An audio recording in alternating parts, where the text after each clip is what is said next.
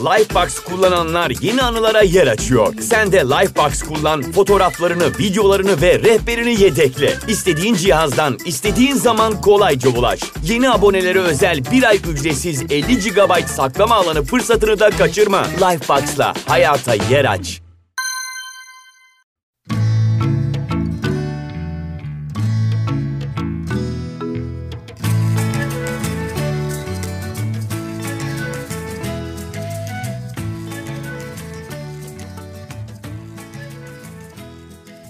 Genel Sesler Podcast'inden herkese merhaba. Ben Bilge. Bugün zorlukların ve çabanın hayatımızdaki önemi üzerine konuşacağız. Bölümün başlığının birazcık iddialı olduğunu farkındayım. Çabalamak gerçekten hayatımızın anlamı olabilir mi? Bence olabilir. Bölümü dinledikten sonra sizin de fikirlerinizin bu yönde değişeceğine neredeyse eminim. Bu bölümde çok sevdiğim ve hatta en sevdiğim filozof olan fikirleri hayatım ve bakışımı derinden etkileyen Spinoza'nın konatus kavramından, zorluklardan, birazcık determinizmden, sorumluluktan ve sorumluluktan kaçışın hayatımıza getirdiği olumsuz etkilerden bahsedeceğim. Hayat yaşandıkça güzeldir. Eğer hayat yaşamak istiyorsak o güzelliklere erişmek istiyorsak önümüze çıkacak olan zorluklara ve o zorluklarla mücadeleye yani çabaya gönüllü olmamız gerekir. Bundan önceki bölümlerde de birkaç defa söylediğim İlber Ortaylı'nın çok sevdiğim bir sözü var. Diyor ki neden ben bunu yaşıyorum? Neden ben bu coğrafyada doğdum? Neden ben bu ailede doğdum diyen insandan daha ahmak biri yoktur. Elbette ki bunları söylemek anlamsız olabilir. Ama yine de kendi kendimize bunları sıkça tekrar etmiyor muyuz? Neden benim başıma bu geliyor? Neden ben depresyona giriyorum sürekli? Neden benim biyolojim diğer insanlar gibi değil? Neden benim ailem böyle değil? Neden bu ülkede doğdum? Gerçekten insanın başına her şey gelebilir. En basitinden harika bir ailede doğmuş, çok iyi bir ülkede yaşıyor olsanız bile biyolojiniz nedeniyle bir türlü mutlu olamıyor olabilirsiniz. Evet bu da bir gerçek. Kimi insanların serotonin hormonları diğerlerine göre daha az oldukları için kronik olarak neredeyse mutsuzlar. Ve bu da bizim başımıza gelebilecek şeylerden sadece bir tanesi. Kendi açımdan baktığımda hayatımda tanıdığım çok az insanın içerisinden geçtiği bazı büyük zorluklardan geçtim ve hala da geçiyorum. Tüm bunları düşündüğümde kendi kendime bazen hayıflanmadan edemiyorum. Bu kadar çok zorlukla karşılaşmasaydım acaba nasıl biri olurdu? Bir keresinde çok sevdiğim bir dostumla sohbet ediyorduk ve bana şöyle dedi. Bundan birkaç gün önce dedi birisiyle buluştum. Bu buluştuğu kişi arkadaşımın bir arkadaşı ve o kişinin oldukça şanslı bir hayatı olduğunu düşünüyor. Çok iyi bir aile doğmuş, iyi bir sevgilisi var yakında evlenecekler, çok iyi bir akademik kariyeri var, geleceği harika, parlak gözüküyor. Çok yakın zamanda da zaten sevgilisiyle evlenip yurt dışına taşınacaklar. Ona baktığımda dedi şöyle düşündüm. Bunu seni üzmek için söylemiyorum. Ama sen bu kızın yerinde olsaydın kim bilir neler başarırdın. Sen ondan çok daha zekisin, çok daha yeteneklisin. Eğer onun sahip olduğu aileye ve şartlara sahip olsaydın belki de şu an hayal dahi edemeyeceğin yerlerde olabilirdin. Tüm gün boyunca ona bakıp bakıp hepsini düşündüm ve kendi kendime de üzüldüm. Lütfen bu söylediklerim için sen üzülme ama bazen ben bile senin adına böyle hislere kapılabiliyorum dedi. O böyle dediği zaman ben de tabii ki de elimde olmadan bu tip sorgulamaları yeniden düştüm. Tam o sırada yine çok sevdiğim başka bir arkadaşımın tavsiyesiyle Michael Folley'in Saçmalıklar Çağı isimli kitabına başladım. Hani böyle bazı yazarlar vardır ya, sanki yanınızda olsalar onunla en yakın arkadaş olabileceğinizi, saatlerce hiç sıkılmadan muhabbet edebileceğinizi hissedersiniz. Michael Folley de tam olarak benim için öyle oldu. Saçmalıklar Çağı kitabında bu çağda uyum sağlayamadığım, anlam veremediğim ne kadar aşırılık varsa, ne kadar saçma ve tuhaf olduğunu düşündüğüm şey varsa hepsine böyle güzel bir ışık tuttu ve bana dedi ki senle aynı fikirdeyim. Yalnız değilsin. Bu kitabın içerisinde zorluklara ve çabaya dair de çok farklı bir bakış açısı olduğu için bölüm içerisinde sık sık kitaptan bahsedeceğim. Olay şu ki arkadaşımın bana söyleyip hayıflandığı, bu kadar zorluğa sahip olmamdan, bu kadar zorlukla baş etmemden dolayı bana üzüldüğü, acıdığı şeyler aslında benim hayatımı benim hayatım yapan şeyler. Bir açıdan bakıldığında beni var eden şeyler bu olaylar. Kimliğimi, oluşumu, geldiğim noktayı. Eğer daha farklı şartlarda doğmuş olsaydım belki de şu an bu podcast'ı asla kaydetmiyor olacaktım. Bu arada büyük ihtimalle podcast kaydetmiyor olurdum. bir gün size neden podcast yaptığım ve neden sosyal medya işine giriştiğimi anlattığım bir bölüm de kaydetmeyi planlıyorum. Gerçekten çok ilginç bir hikayesi var. Bu arada şunu da söylemiyorum. Başımıza gelen her zorluğun bir anlamı olmak zorunda değil. Bazen gerçekten kötü şeyler yaşıyoruz ve bunlar anlamsız gelebilir. Ama totalde hayatın kendisine bakıldığında yaşamın içerisinde karşılaştığımız zorluklar ve onları aşmak için gösterdiğimiz çabaların hepsi bizi biz yapıyorlar hayatımızı oluşturuyorlar. Çünkü hayat çabadan ibaret. Çok sevdiğim belgesel var Netflix'te, Stutz isimli. Orada psikiyatrist Doktor Phil Stutz'ın söylediği bir şey var. Diyor ki, hayatta değişmeyecek bazı şeyler vardır. Bunlardan bir tanesi acı, diğeri ise sürekli çalışmadır. Yani acı her zaman vardır hayatta ve sürekli çalışmaya kaç yaşında gelirsek gelelim devam etmek zorundayız. Eğer bunlarla barış ilan edersek, bu fikre şimdiden okey olursak belki de gelecek hayatımız çok daha rahat ve akışta geçer. Tam burada birazcık Spinoza'nın konatus kavramından bahsetmek istiyorum. Hatta onu Michael Foley'in kitabından okuyacağım bir alıntıyla önce size anlatacağım. Şöyle diyor yazar kitabında, Spinoza çabalamanın doğamız olduğu önermesini ortaya atmıştı. İnsan doğası için kullandığı Latince sözcük konatus, çabalama ve gayret anlamlarına gelir. Her bir şeyin varlığını sürdürmede kullandığı çaba, esasında o şeyin bizatihi özünden başka bir şey değildir ve çabanın değerli olması zorluğuna bağlıdır. Hiç Spinoza'nın felsefesine daha önce ilgi duydunuz veya hatta bu konu üzerine bir okuma yaptınız mı bilmiyorum. Fakat Spinoza'ya göre her birey Tanrı'nın kendisi olan doğanın bir parçasıdır. Her canlı buna dahildir. İnsan, hayvan veya da bitki hepsi doğa tanrının bir parçası aslında onun neredeyse ta kendisidir. Ve tüm bu varlıkların içerisindeki yaşam gücüne Spinoza konatus der. Konatus bireyin, varlıkların, her şeyin aslında içsel gücünün ta kendisidir. Aslında şöyle söyleyebiliriz. Konatus kişinin var kalma çabasıdır. Var olmaya devam etme çabasıdır. Aynı zamanda Spinoza mutluluğun ve iyi hislerin konatusumuzu arttırdığını, mutsuzluğun ve depresif hislerin ise konatusumuzu azalttığını söyler. Bir de tabii ki isteklerimiz var. İsteklerimiz ise konatusumuzu besleyen bir yakıt gibidir. Onu besleyen, onu devam etmesini sağlayan bir şeydir. Arabanın benzini gibidir yani varlığın var kalma çabası bir çabaysa yani onun konatusuysa bizler eğer yaşamaya devam etmek istiyorsak sürekli bir hareket ve devinim halinde olmalıyız. Öyle değil mi? Şöyle düşünelim. Depresyona girdiğimiz zamanlarda hiçbir şey yapmak istemeyiz. Aslında orada var kalma çabamız yani konatusumuz ölmeye başlar.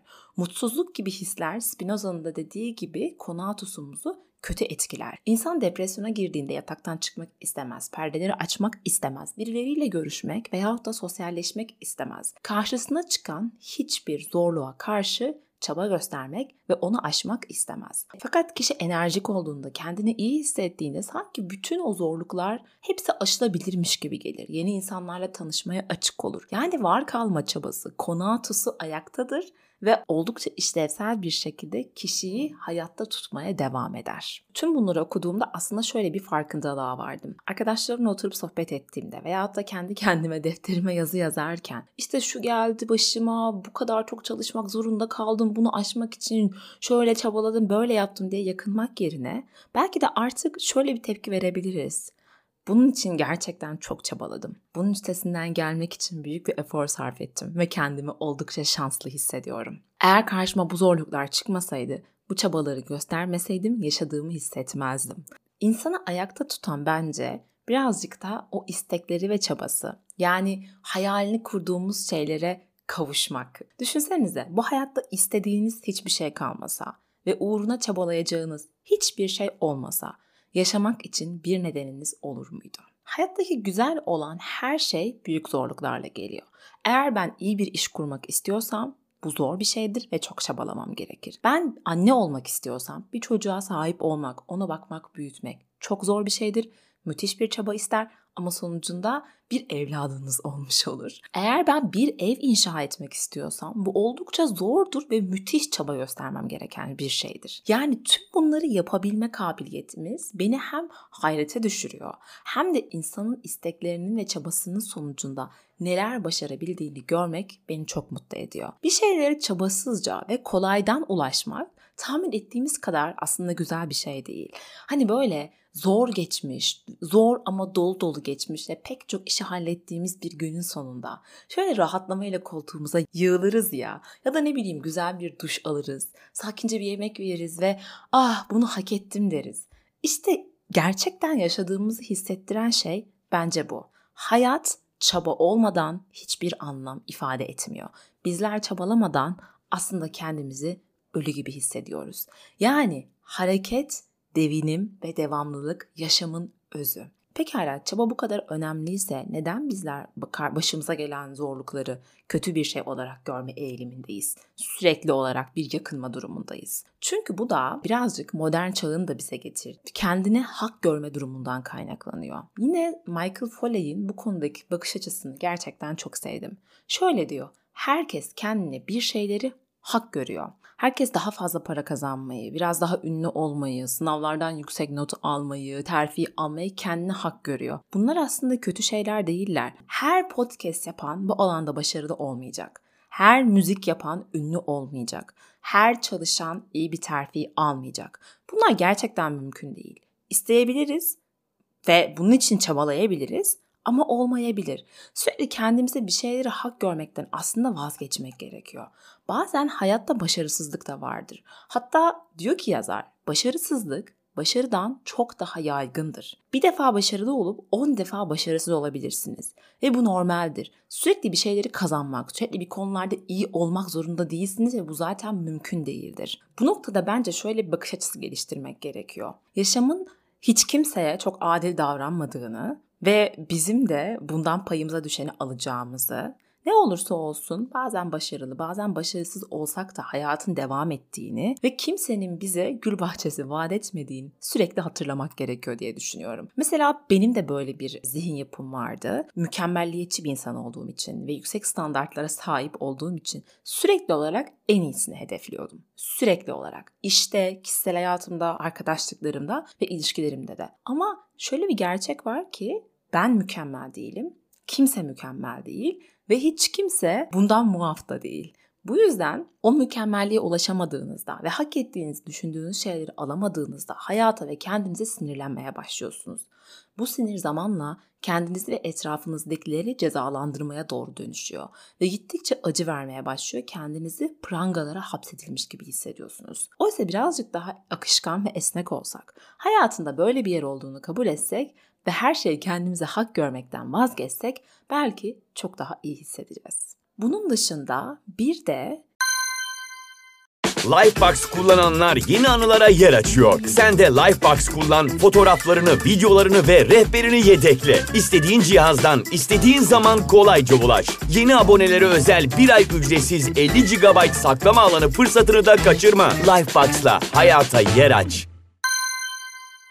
çabalamanın önemini gösteren harika bir deney var. Bunu sizinle paylaşmak istiyorum. Çok sevdiğim Mindset kitabının yazarı Carol Dweck'in yaptığı bir araştırma bu. Dweck ve arkadaşları bir grup okul öğrencisinin üzerinde bir test yapıyorlar. Öğrencilere önce bir test çözdürüyorlar. Sonrasında öğrencilerin yarısına bunu başardığın için çok akıllı olmalısın. Diğer yarısına da çok çalışmış olmalısın diyorlar. Yani ne olmuş oluyor? Öğrencilerin yarısı zekaları için övgü alırken diğer yarısı ise çabaları için övgü alıyor. Sonrasında bu öğrencilere yeniden bir test yapmak istiyorlar ve önlerine iki tane seçenek sunuyorlar. Bu testlerden bir tanesi zor, bir tanesi ise kolay. Çabaları için övgü alan öğrenciler zor olan testi seçerken zekaları için övgü alan öğrenciler ise kolay olan testi seçiyorlar. Karel Dweck'in buradan vardığı sonuç ise şu oluyor. Zeki oldukları için övgü alan öğrenciler başarısızlık korkusuna kapılırken çabaladıkları için övgü alan öğrencilerin ise hatalarından ders çıkarma eğiliminde olduğuydu. Bu zor ve kolay olan testler yapıldıktan sonra öğrencilere diğer arkadaşlarının kağıtlarına bakmaları isteniyor. Ve yine zeki oldukları için övgü alanlar kendilerinden daha kötü not alanların kağıtlarına bakıp hemen kendi öz beğenilerini arttırma yoluna giderken çabaladıkları için övgü alanlar ise kendilerinden daha yüksek not alanların kağıtlarına bakmayı tercih edip hatalarından ders çıkarma yoluna gidiyorlar. Yani burada görüyoruz ki çabanın övüldüğü zaman insan daha alçak gönüllü, hatalarından ders çıkarmaya daha meyilli oluyor. Zeka övüldüğünde ise daha çok kendine hak görme olayı ve bir kendini beğenmişlik,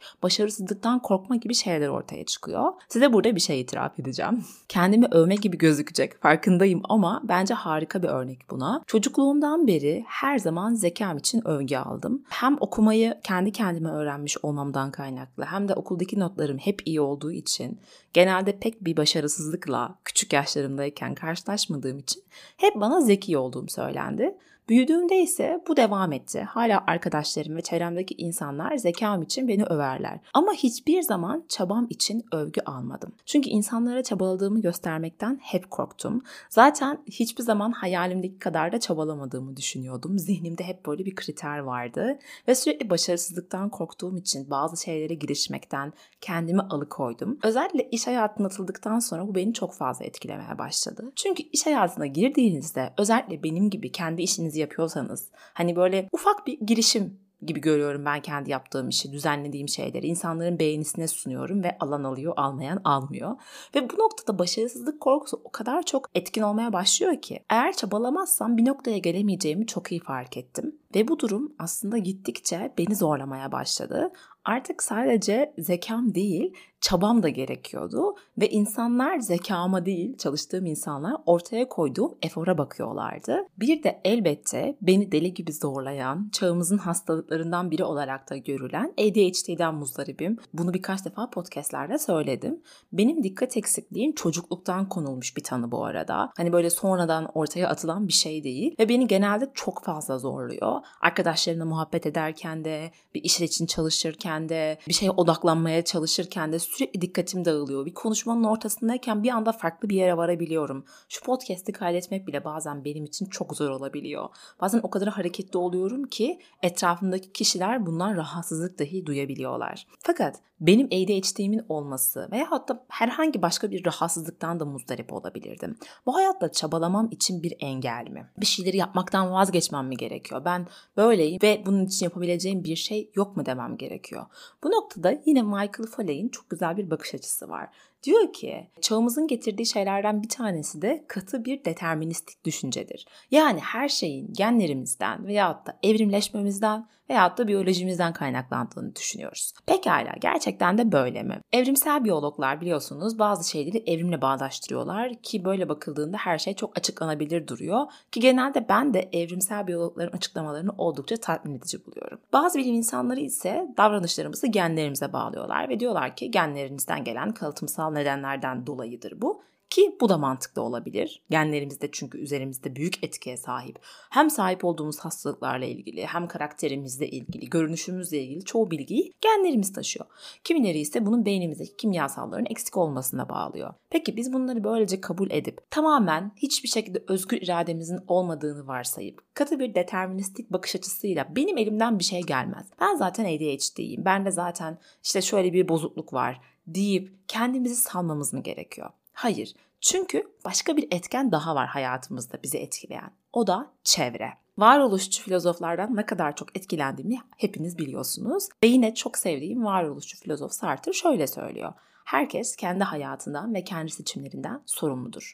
Ben aslında çok katı bir varoluşçu değilim. Yani bütün sorumluluğu ve suçu bireyin omuzlarına yükleyen bir bakışım yok. Fakat bireyin seçimlerinin ve kendi çevresini düzenlemenin bu noktada çok önemli olduğunu düşünüyorum. Nasıl? Benim ADHD'min olması etrafımı buna göre düzenleyip bununla baş etme konusunda etkili adımlar atamayacağım anlamına gelmez. Mesela ben ne yapıyorum? Masamı sürekli düzenli tutmaya çalışıyorum. Çevremi kendime çalışmayı hatırlatacak şekilde düzenliyorum.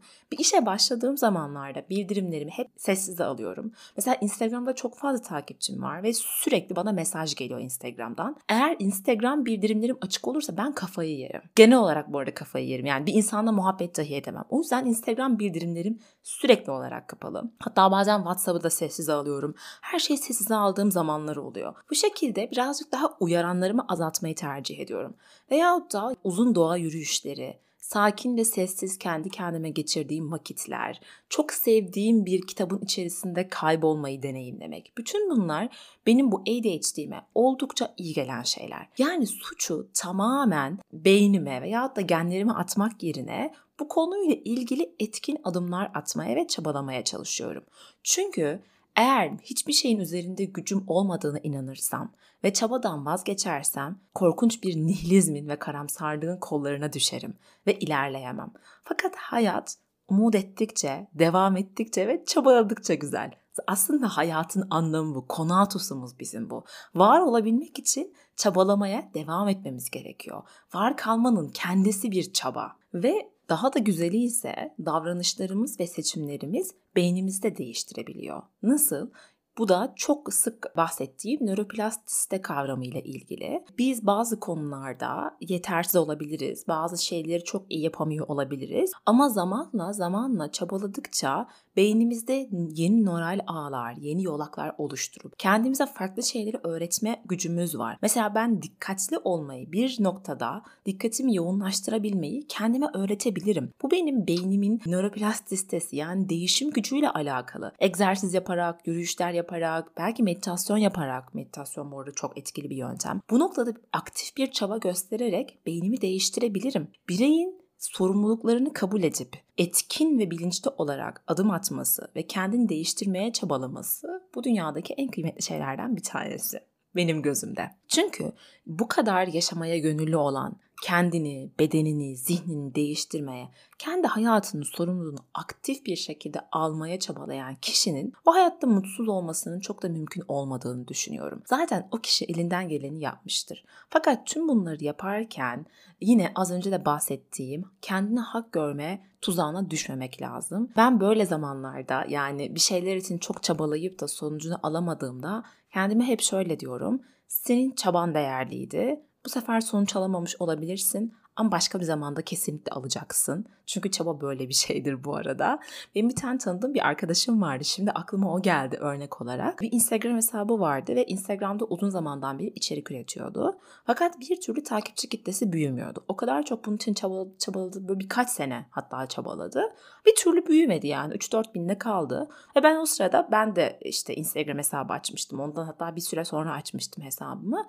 Ben ona göre bayağı bir kat kat büyüme gösterdim. Fakat sonrasında birden bir şeyler oldu ve çabasının karşılığını almaya başladı. Şu an hesabı kendisini çok çok ileriye götürdü ve hayatı bu noktada değişmeye başladı. İstediği gibi içerikler üreten bir içerik üreticisine dönüştü aslında sorarsanız. İlk başlarda umutsuzluğa kapılıp kendisine hak görme tuzağına düşüp ben bu kadar çabaladım ve olmadı deyip sinirlenip hayata küsüp bıraksaydı şu an olduğu bu noktaya gelemezdi. Fakat o çabanın ve yolun kendisine değer verdiği için aslında şu an hem istediği noktaya geldi hem de kendisinden memnun birisi. Bölümün sonuna doğru yavaş yavaş gelirken aslında hepinize son kez şunu hatırlatmak istiyorum. Hayat değişken ve akışkan bir yapıya sahip. Önemli olan yaşamın içerisinde akmayı ve bu akışın içerisindeyken de kendi hayatımızı ve kendimizi dönüştürmek için aktif bir şekilde çaba göstermeyi ihmal etmemek gerekiyor. Şu an olmayan bir şey gelecekte olabilir veyahut da hiç olmayabilir. Hayatın her şeye hakkı vardır. Bunu sakın unutmayın. Fakat hiçbir şey sonsuza kadar kötü sürmez. Zorluklar ve çaba, başımıza gelen iyi veyahut da kötü şeyler bizi biz yapan, karakterimizi, olduğumuz kişiyi ortaya çıkaran şeylerdir.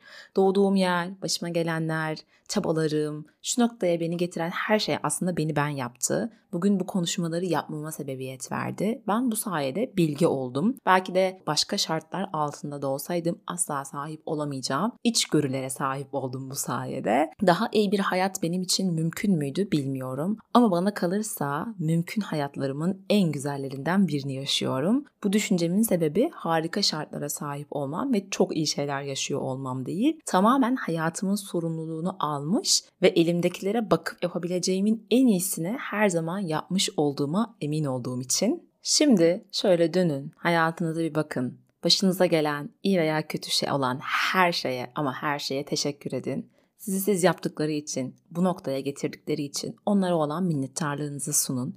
Sonrasında ise önünüze bakın. Bu hayat sizin hayatınız. Konatusunuza, neşenize, sahip çıkın. Ve size tam bu noktada harika bir kitap tavsiye etmek istiyorum. Çetin Balaniye'nin Spinoza'nın Sevinci Nereden Geliyor isimli kitabı. Bence kesinlikle okumalısınız. Hayattaki neşenizi ve mutluluğunuzu artıracağına emin olduğum bir kitap. Genel Sesler Podcast'inin bir bölümünün daha sonuna geldik. Beni dinlediğiniz için hepinize çok teşekkür ediyorum. Eğer bu bölümü sevdiyseniz sevdiklerinizle paylaşmayı lütfen unutmayın. Beni Instagram üzerinden @genelseslerpodcast ismiyle aratabilir ve takip edebilirsiniz. Instagram'da düzenli olarak içerik üretiyorum. Okuduğum kitapları, hayatıma dair küçük anekdotları oradan paylaşıyorum. Eğer podcastleri seviyorsanız Bence oradan da beni takip etmeyi seversiniz diye düşünüyorum. Bir dahaki bölüme kadar kendinize çok iyi bakın. Çabalamaya devam edin. Hoşçakalın.